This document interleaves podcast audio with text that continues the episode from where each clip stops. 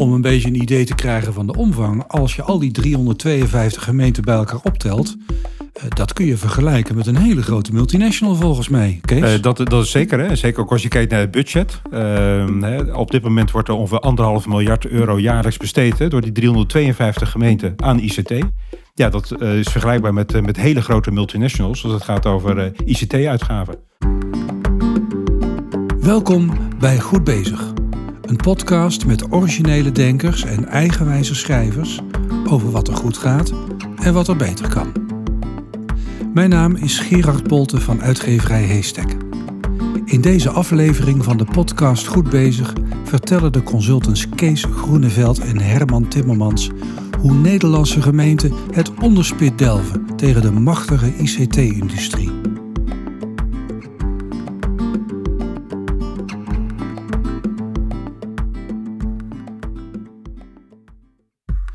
Gemeenten verwerken eigenlijk de hele dag informatie over ons, burgers en bedrijven. Daarvoor is heel veel ICT nodig en dat kost geld. Meer dan nodig is, vinden Kees Groeneveld en Herman Timmermans. Omdat gemeenten bijna allemaal in hun eentje onderhandelen met leveranciers, betalen ze de hoofdprijs. Dat is zonde. Al was het maar omdat gemeenten eigenlijk veel meer geld nodig hebben om hun werk goed te doen. Volgens Kees en Herman is het tijd voor een reset. Ze leggen het graag uit.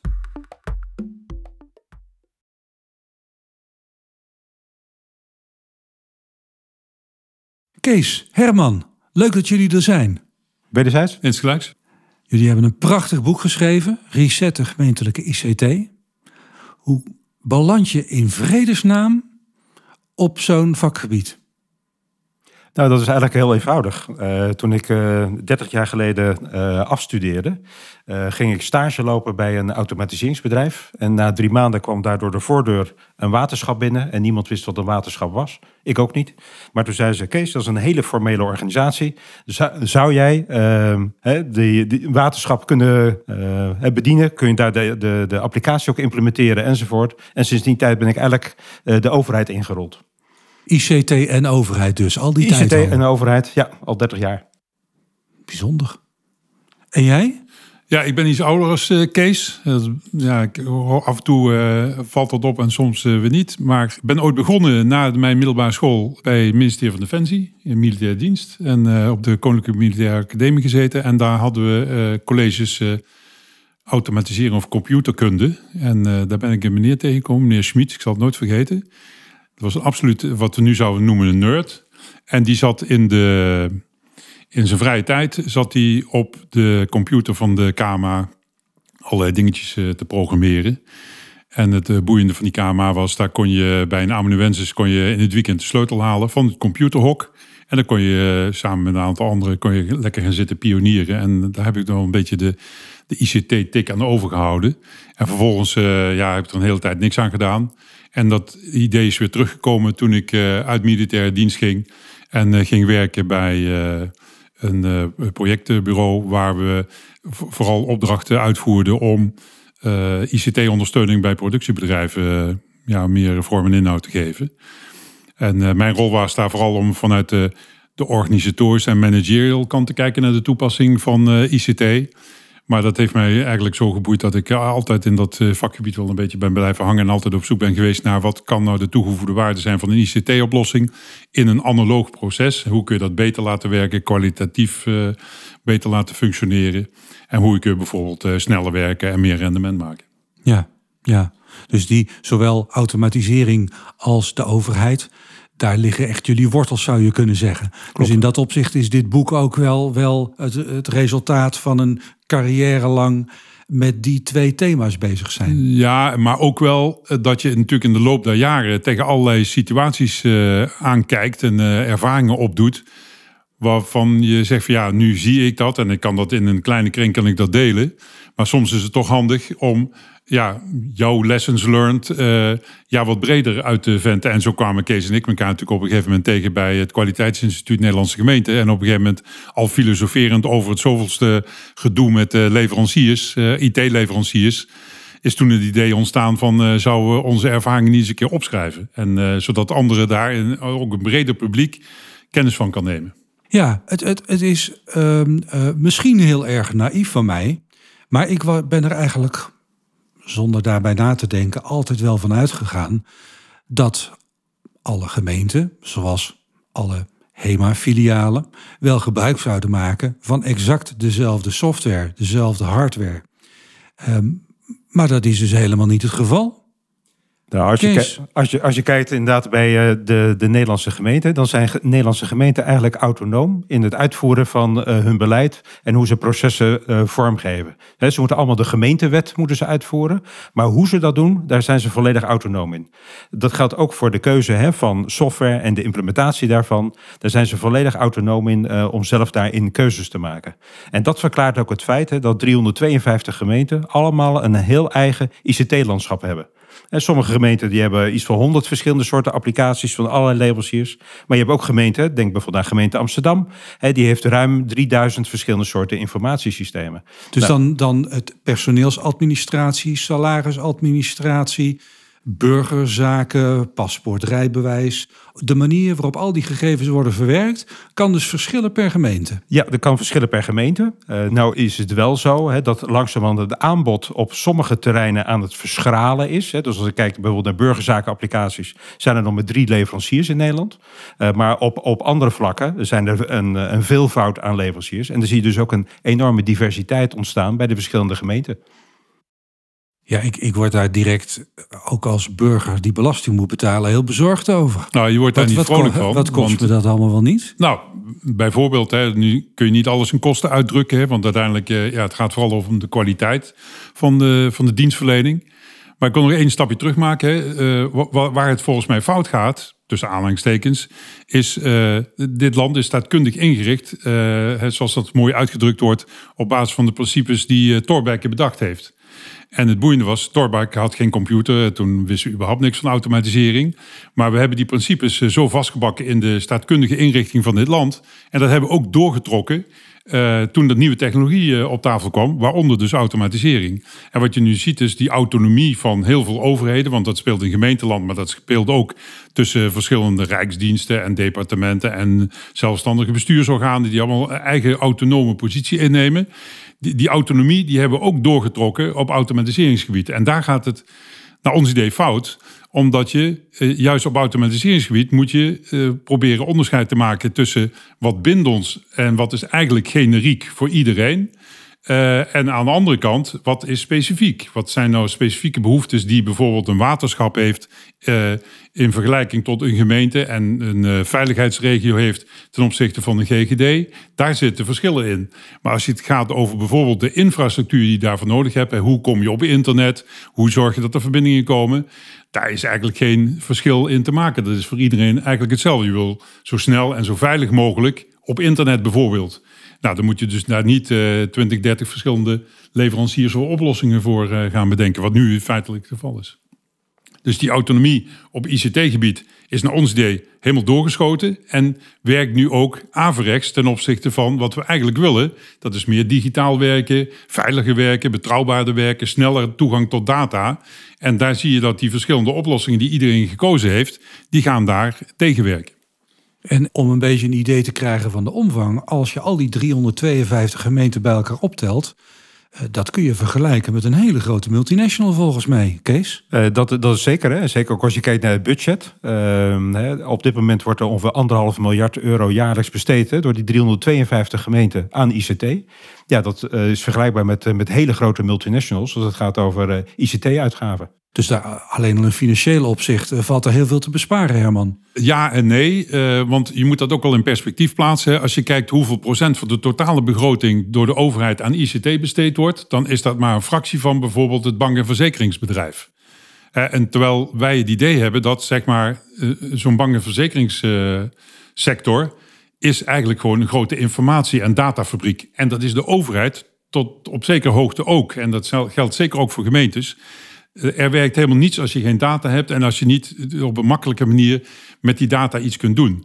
Eh, en het, Maar Herman, is... hoor, hoor ik jou nu zeggen dat, dat de overheid en ook dus juist de gemeente misschien wel iets meer zouden mogen uitgeven aan ICT? Nou ja, ze moeten in ieder geval beginnen met te erkennen dat ze informatieorganisaties zijn. Dat doen ze nu niet. Hè. Er wordt er nog heel veel, om tussen aanhalingstekens, als een analoge organisatie beschouwd, die vooral met dienstverlening bezig is.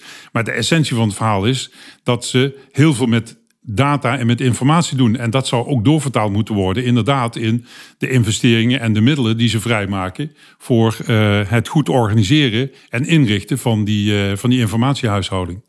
En, en ja, daar, daar blijft denk ik de overheid gewoon achter bij, eh, bij- sommige delen van het bedrijfsleven.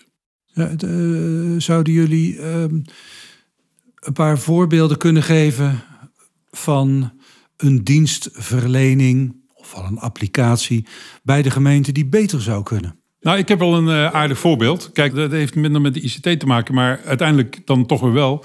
Als je nu eh, bijvoorbeeld eh, in het kader van eh, allerlei voorzieningen die gemeente verstrekt, eh, bijvoorbeeld recht hebben op extra hulpmiddelen, als gehandicapten eh, of als mensen met een beperking. En zo'n persoon die verhuist van de ene gemeente naar de andere, dan moet hij vaak die hulpmiddelen inleveren bij de gemeente waar die oorspronkelijk ingeschreven was. Dan gaat hij naar een nieuwe gemeente toe en dan begint het hele riedeltje weer van vooraf Moet hij eerst weer dat hulpmiddel aanvragen. Vaak zijn daar de regels weer net iets anders geïnterpreteerd dan in de gemeente waar die persoon van afkomstig is. En dat betekent dus dat je zou dit met informatieuitwisseling zou je dit in één klap op kunnen lossen. In, in een paar seconden bij wijze van spreken. Door de, het rapport of de, het- de, dossier van de ene gemeente over te dragen aan de andere gemeente. Maar daar zijn geen mogelijkheden voor. En dat betekent dus dat je als burger, zeker als je in zo'n afhankelijkheidssituatie zit, waar sommige mensen in zitten, eh, ja, word je benadeeld doordat je bijvoorbeeld gaat verhuizen. En dat ligt niet aan die verhuizing, ligt aan het feit dat die overheden ten opzichte van elkaar onvoldoende afspraken gemaakt hebben hoe ze daar dan mee om moeten gaan. En dat zou automatisering of informatisering zou dat gewoon heel snel kunnen oplossen. Nou, dat vind ik zo'n voorbeeld waar het dus eh, misloopt. Ja. Nou, ik stel voor, we schaffen dit gewoon af. We lossen dit op. We laten, we centraliseren de ICT van alle gemeenten. Ja, maar dan loop je het risico dat je eh, HEMA, Shell of Philips wordt. Want eh, ik heb eh, heel wat jaren voor dat soort organisaties eh, of vergelijkbare organisaties gewerkt. En eh, de oplossing is niet heel groot worden en dan vanuit een centraal punt proberen dit allemaal te regelen. Ik denk dat de charme van zeker gemeenten is dat het juist op maat is in de regio, lokaal. En, en dat geldt zeker voor wat betreft de dienstverlening. Het is een groot goed om zeg maar autonoom te zijn en binnen jouw eigen regio dingen te regelen. Maar dat betekent niet dat je dat principe moet doortrekken op bijvoorbeeld ook zaken als ICT-infrastructuur. Het is natuurlijk van de knotsen dat we 30, 40 verschillende leveranciers hebben voor internetverbindingen. En ieder met hun eigen contractjes en met hun eigen ja, verhalen die daaromheen eh, hangen. Ik denk dat je dat als overheid, en zeker ook op gemeentelijk eh, gebied, dat je dat wel collectief, misschien niet eens centraal, maar in ieder geval collectief zou moeten afstemmen. En daarmee wordt de kwaliteit van jouw dienstverlening, die dan weer op maat is, die wordt daar een stuk beter door. Je kunt het vergelijken hè, met, eh, met het, eh, de infrastructuur van het wegennet wat we hebben hier in eh, Nederland. Het zou raar zijn als elke gemeente zou gaan bepalen hoe dat stukje weg hè, vormgegeven gaat worden. De een zou gaan werken met kasseien, de ander met asfalt. Hè, en dan wil de een weer zo'n slagboom hebben. Dat is dus niet handig. We hebben in Nederland één infrastructuur als het gaat over rijkswegen. Maar met wat voor voertuig je op die weg rijdt, mag je gewoon allemaal zelf bepalen. En feitelijk zie je dit ook bij de gemeentelijke ICT. Je zou een, een splits moeten maken in hoe ziet die infrastructuur eruit.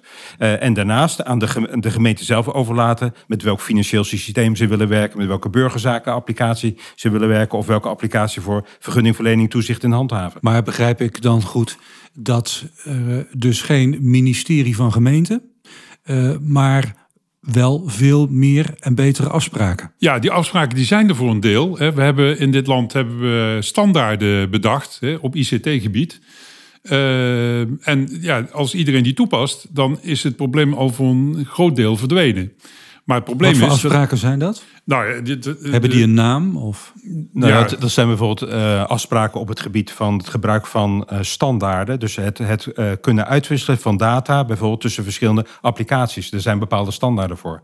Alleen een standaard staat of valt met de toepassing daarvan. En dat En- gebeurt onvoldoende. Eh, klopt. Eh, het, het, het, eh, er is wel een pas toe of leg uitlijst. eh, maar dat wil niet zeggen hè, dat mensen zich daaraan houden. En juist dat vrijblijvende in dat geheel, dat zorgt ervoor dat je weer allerlei uitzonderingen op de regel krijgt.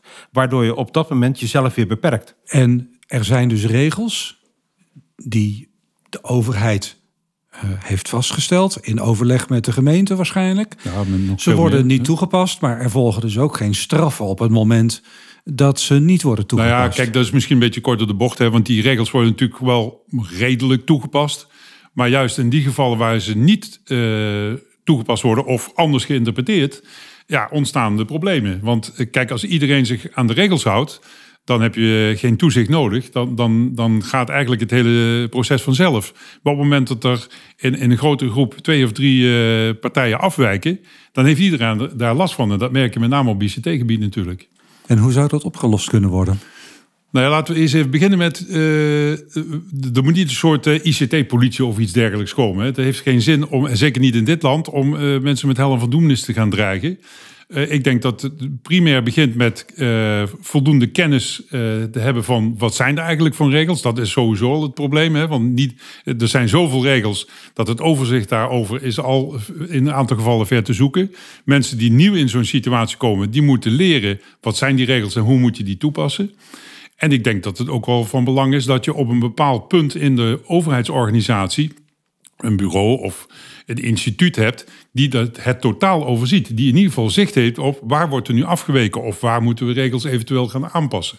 Nou, dat ontbreekt. Ja, en, en ik denk dat dat, dat, dat een, een ander punt is, is dat eh, als je praat over IT en ontwikkeling daarvan, het is, zit nog niet op bestuurlijk niveau.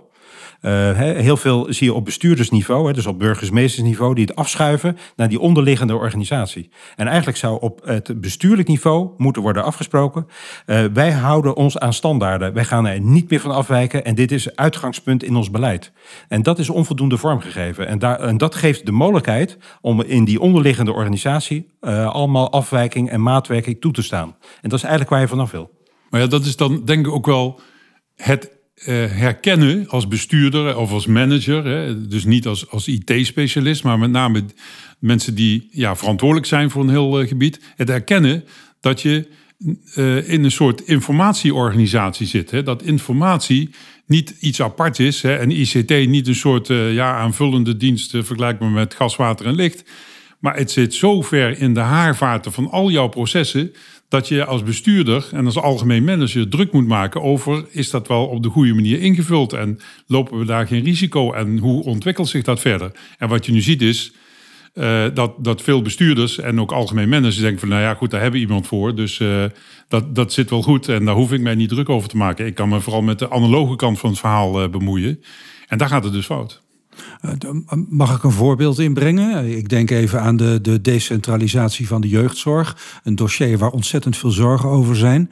Ehm, ik weet niet of jullie dat kunnen beoordelen, maar ik kan me voorstellen dat eh, de kwaliteit van de ICT op dat gebied per gemeente verschilt. En dat daardoor de zorg, de jeugdzorg, misschien in bepaalde gemeenten dus beter of slechter is. Is dat denkbaar? Uh, dat is zeker. En uh, dat is ook aan te halen met een aantal voorbeelden. Een van de voorbeelden is het meisje van Nulde.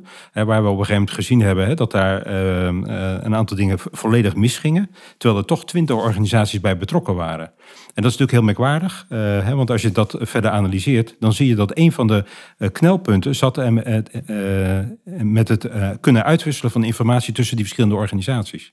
en dat had te maken dat al die afzonderlijke organisaties hadden hun eigen systemen die uh, onvoldoende of niet op elkaar aangesloten waren. En dat zorgde dat te laat of onvolledige informatie uitgewisseld werden.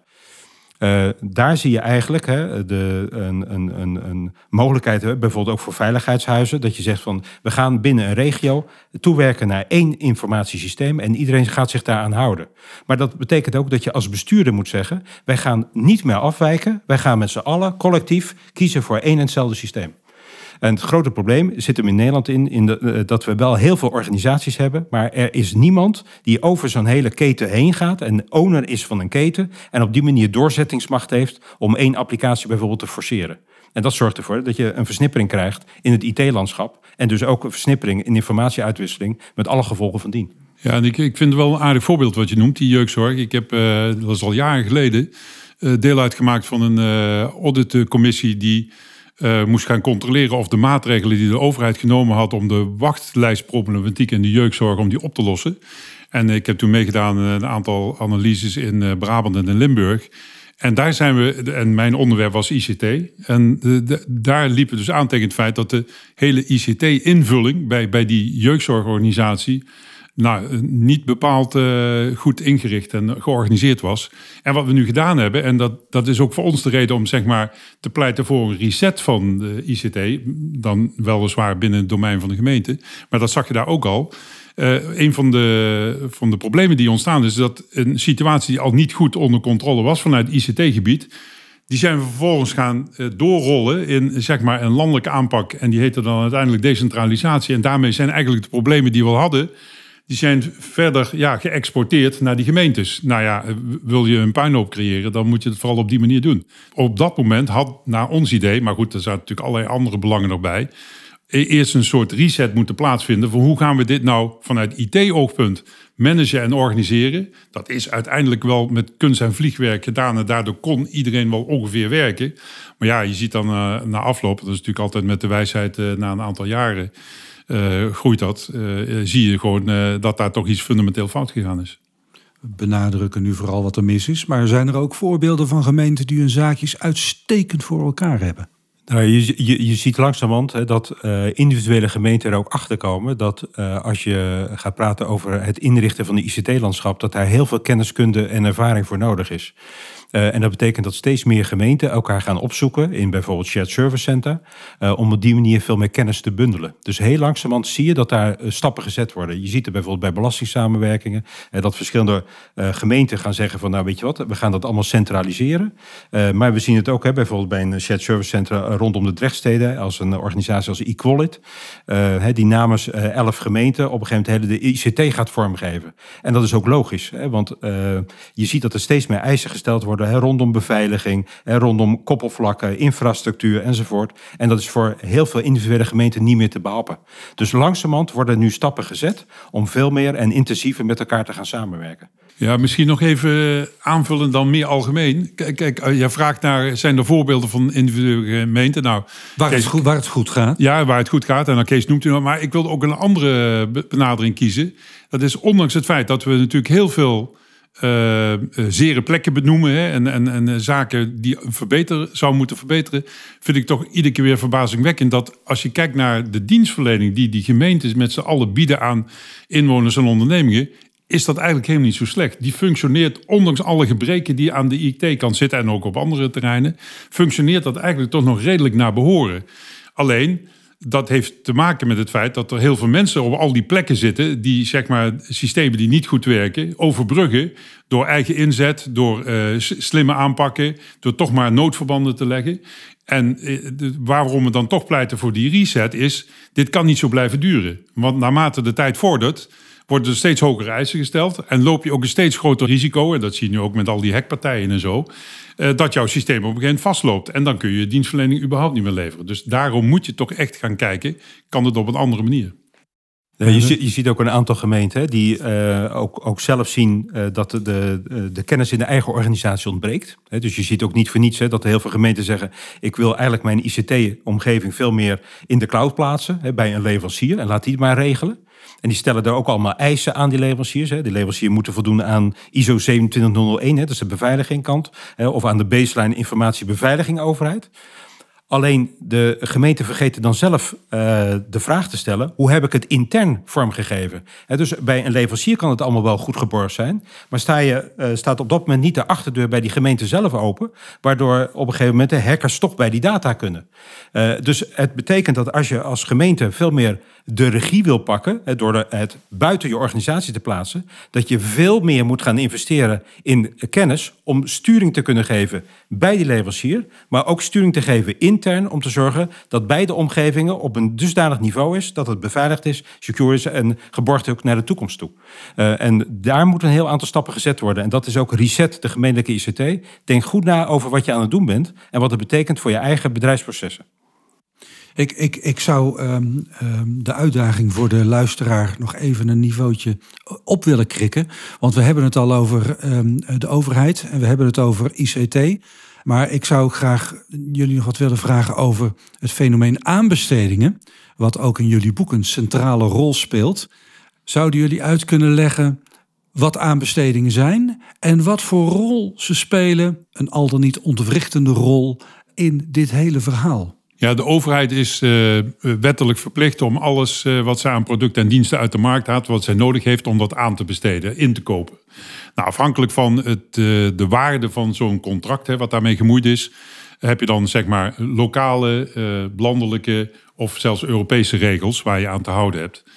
En op zich is natuurlijk, zijn die regels bedacht om tot een soort, wat dan zo mooi heet, level playing field te komen. Hè, om alle aanbieders gelijke kansen te geven.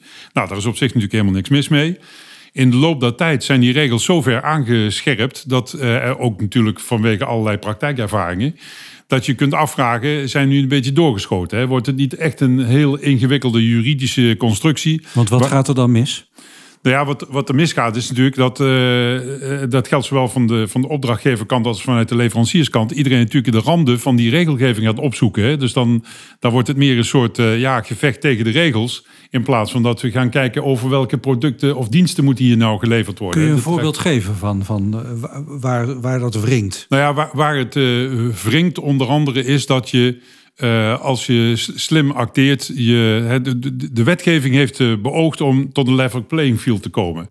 En uh, als ik mijn huiswerk als leverancier goed maak, dan ben ik in staat om een product ver onder de kostprijs aan te bieden. dan voldoe ik nog steeds aan de regels, en, maar dan krijg ik wel die opdracht. En daardoor hebben dus andere leveranciers het nazien. Uh, de opdrachtgever, ja, die maakt het op zich niet zoveel uit. Die heeft waarschijnlijk voor veel minder geld dan wat ze aanvankelijk uh, verwacht hadden, hebben die dat product of die dienst uh, binnengehaald. nou ja, daar zitten allerlei kanten aan. Maar dat betekent dus dat eigenlijk de systematiek van dat aanbesteden gebruikt wordt om ergens een opdracht binnen te halen. En dat is volgens mij niet in de geest van de wetgeving die daarvoor ingericht is. Dat, het slim gebruiken van die techniek van, van die wet en regelgeving leidt tot ja, uh, verstoringen in de markt. Ja, dat, dat, dat, betekent dat dus overheden zelf uh, heel goed moeten nadenken hoe zij een aanbesteding in de markt gaat zetten. Uh, dus uh, bijvoorbeeld als een, een overheidsorganisatie een aanbesteding in de markt zet, dan zouden ze niet moeten zeggen van wij gaan zwaar sturen op de laagste prijs, maar dat ze zeggen van nou wij verwachten dat de prijs in ieder geval niet lager wordt dan een bepaald bedrag. Daarmee voorkom je eh, dat je op een gegeven moment cowboys krijgt in de markt die zwaar onder de kostprijs gaan zitten. En zijn dat dan vaak de grotere organisaties? Uh, hoe bedoel je, qua gemeente? Qua leveranciers? Uh, nee, kunnen ook kleinere organisaties zijn hè, die heel graag uh, hun product willen slijten. En dan op die manier dus heel, uh, heel laag gaan aanbieden. omdat zij nou ja, een bepaalde functionaliteit compenseren door een hele lage prijs te gaan vragen dus dat is de prijs-kwaliteitverhouding. Uh, kunnen ze op dat moment beïnvloeden. En die overheid die kan er natuurlijk er slim op inspelen om te zeggen: van nee, dat accepteren wij niet. Wij, wij willen tenminste dat, dat een bepaald prijsniveau gehanteerd wordt. Om in ieder geval degene die heel zwaar onder die prijs zouden willen gaan zitten, om die in ieder geval te blokkeren. Uh, en hoe kunnen ze dat doen? Overheden doen er ook goed aan om voordat ze gaan aanbesteden, eerst een marktverkenning uit te voeren. Eerst te kijken in de markt van wat willen wij uh, en is daar voldoende aanbod en tegen welke prijs zou dat kunnen zijn. En dan kunnen ze in hun aanbestedingsstukken, en die vrijheid hebben ze en die moeten ze dan ook nemen, ook nadrukkelijk aangeven, er is een bepaald plafond, ik wil niet daarboven komen, maar er is ook een bodem en ik wil niet daaronder komen zodat er meer aandacht, meer aandacht komt voor de kwaliteit van producten en diensten. Klopt. Ja en minder gestuurd wordt op prijs. Oh, Alleen op prijs, dat ja. klopt. Ja. ja, en er is nog wel een ander punt uh, waar die regels uh, doorschieten. Uh, ik begeleid vanuit mijn eigen organisatie samen met twee collega's ook nog af en toe start-ups. En dan zie je dus kleine organisaties hebben echt een geweldig product... wat ook past binnen zeg maar, de behoeften van een bepaalde overheid... Uh, alleen die jongens lopen hartstikke vast in, in, in die regelgeving, hebben gewoon de capaciteit en de kennis niet om te voldoen aan al die regeltjes die in het kader van die aanbestedingswet uh, toegepast worden en die ook in programma's van eisen staan. Nou, wij compenseren dat dan vaak omdat we die regels natuurlijk wel kennen. Maar je ziet dus dat die, de werking van die aanbestedingsregels soms wel eens een keer uh, ja, nieuwe toetreders op de markt afstoot. En zeker kleine organisaties die daar de capaciteit en de middelen niet voor hebben. Denken van ja, laat ik daar maar niet op inschrijven. Want dat kost zoveel moeite om te voldoen aan al die regeltjes. Dat ik uiteindelijk aan de feitelijke levering van mijn product niet meer toe kom.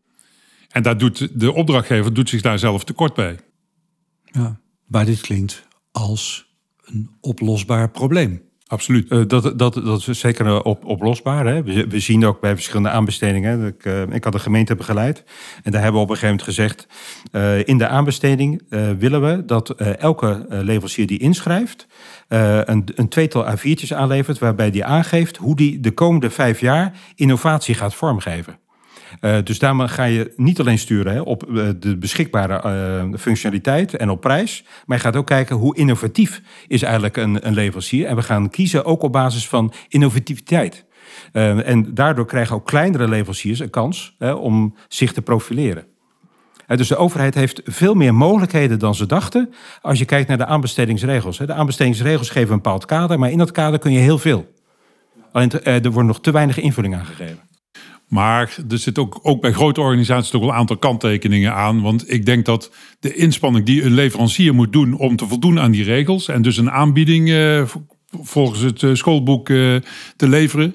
Die is vaak uh, heel fors. En als je dan niet als winnende partij uitkomt, dan hebben je dus heel veel uren verstookt aan iets wat niks oplevert. Wat dus voor kleine lokale IT-bedrijven. Ja, maar zelfs ook voor grote organisaties hoor. Want de, okay. de, laatste tijd maken we gewoon mee dat dat ook uh, bij, grotere aanbestedingen uh, echt belangrijke partijen waarvan wij vinden als begeleidende club die zo'n aanbesteding dan in de markt zet, ja, vinden die partij zou moeten inschrijven. Die schrijft er niet in. En als je dat gaat nabellen, dan is vaak uh, ja, het verhaal van uh, ja, we, we hebben daar zoveel tijd voor nodig. Uh, Te veel gedoe. En, en, precies, hè, en het risico dat we het niet halen, dat is aanzienlijk. Dus we laten maar zitten. Nou, daarmee werken die regels dus eigenlijk averechts ten opzichte van wat oorspronkelijk de bedoeling was. Ja, ja. En je zou dus bijvoorbeeld, daar hebben we ook al eens een keer voorgesteld, hè, in, in, in de bouw is dat dan wat meer uh, geaccepteerd. Alhoewel dat uh, in het verleden wel eens een keer helemaal uit de hand gelopen is.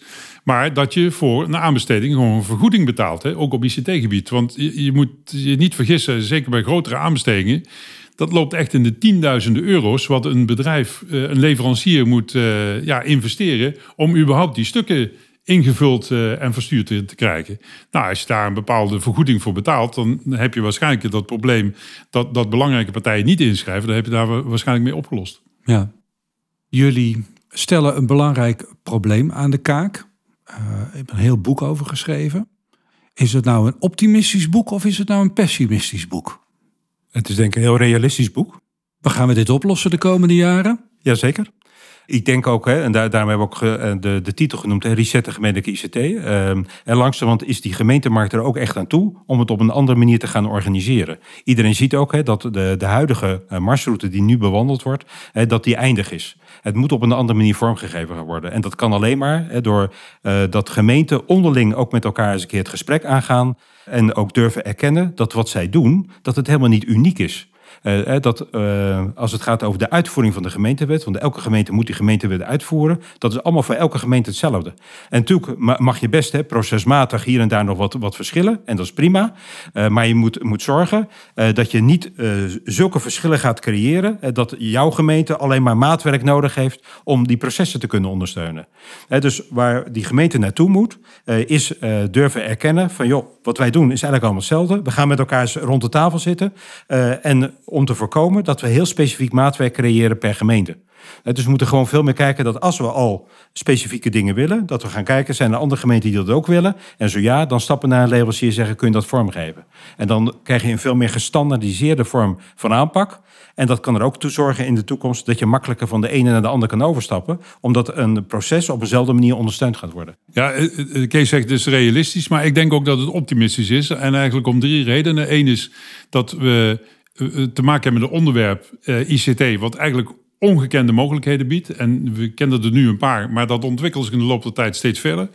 Het tweede punt is dat we ook in overheidsland heel veel creatieve en goed opgeleide vakmensen tegenkomen. Misschien zijn het er te weinig, maar er lopen echt heel veel mensen rond, niet alleen in de, IT, maar ook daarbuiten, die het goed voor hebben met de, de, de, ontwikkeling. En drie is, ja, wat ontbrak, uh, dat was ja, een soort katalysator die die twee mechanismen met elkaar in verbinding brengt. Hè? Dus de mogelijkheden die ICT biedt en de, de, de kwaliteit van de mensen die het moeten doen. En dat is in feite, zo hebben wij in ieder geval dit boek ingestoken, om te zeggen van nou, nou breng dat denken en dat uh, praten over hoe kan het anders, breng dat op gang. En dan uh, kunnen we dat niet misschien qua uitkomst sturen, maar dan gaat het wel uh, de goede kant uit.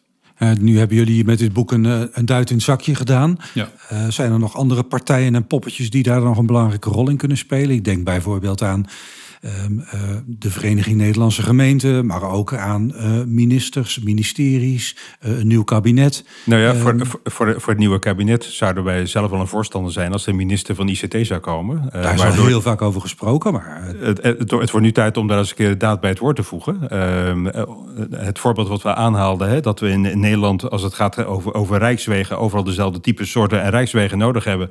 we hebben in ieder geval een, een, een ministerie die erover gaat. En feitelijk zou je dat natuurlijk ook voor de ICT-kant willen. Een infrastructuur waar iedereen op dat moment op kan aanhaken. Um, en dat is een groot gemis. Want hierdoor um, um, moeten continu ook gemeenten onderling met elkaar contact blijven zoeken. En het zou handig zijn, dat moeten ze blijven doen, maar dat er ook een eenduidig beleid gevoerd gaat worden waar elke gemeente op moet aanhaken. Ik heb ooit uh, heel wat opdrachten gedaan op kwaliteitsgebied in productiebedrijven. En uh, vaak werd dan uh, geroepen om, dan moet hier een kwaliteitsmanager komen. En we hebben dat ook vaak zitten meten. En ik heb zelf een hele tijd bij DAF Trucks in Eindhoven gewerkt. Daar hebben we dat, die ervaring ook, ook gedaan. Op het moment dat je iemand belast met een bepaalde taak, dan denkt de rest van de meute, het zal wel, want daar hebben we iemand voor. Dus uh, we zagen de kwaliteit achteruit gaan op het moment dat er een kwaliteitsmanager benoemd was. En dat vind ik wel een beetje het risico als je minister voor ICT hebt. Uh, los van het feit uh, wat die dan moet gaan doen in al die andere ministeries. Want dat wordt nog een heel ingewikkeld verhaal. Ja, dan denkt iedereen van ja, daar hebben we iemand voor. Dus uh, laat die dan maar oplossen. En vervolgens gaat iedereen over tot de orde van de dag.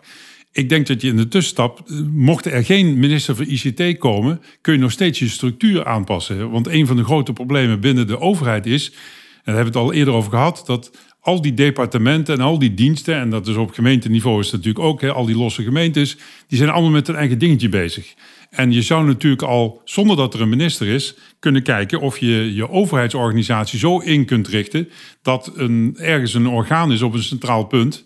Uh, waar al die lijntjes van wat doen we op ICT-gebied bij elkaar komen. Dat zou bijvoorbeeld de, de CEO Rijk kunnen zijn, of uh, een, een, organisatie als Logius, of het Forum Standaardisatie. Er zijn een aantal mogelijkheden, maar zorg dat één partij in ieder geval het overzicht heeft over wat er loopt. Als je dat al voor elkaar krijgt, dan kun je een geweldige slag maken. En als er dan toch een minister van ICT komt, dan heeft hij ook een apparaat waar die op terug kan vallen. Oh, als ik jullie zo hoor, dan gaat het wel goed komen, maar kon nog wel eens even duren. Het, het, gaat best wel even, even duren, maar uh, het, het, het begint ook met een bewustwording bij die gemeente. En ook op bestuurlijk vlak, uh, dat we veel meer en intensiever met elkaar moeten samenwerken. Daarmee voorkomen we dat er allerlei verschillen ontstaan, allerlei maatwerk ontstaan en, en dus uitzonderingen. En we moeten veel meer toe naar standaardisatie en vormen van samenwerken.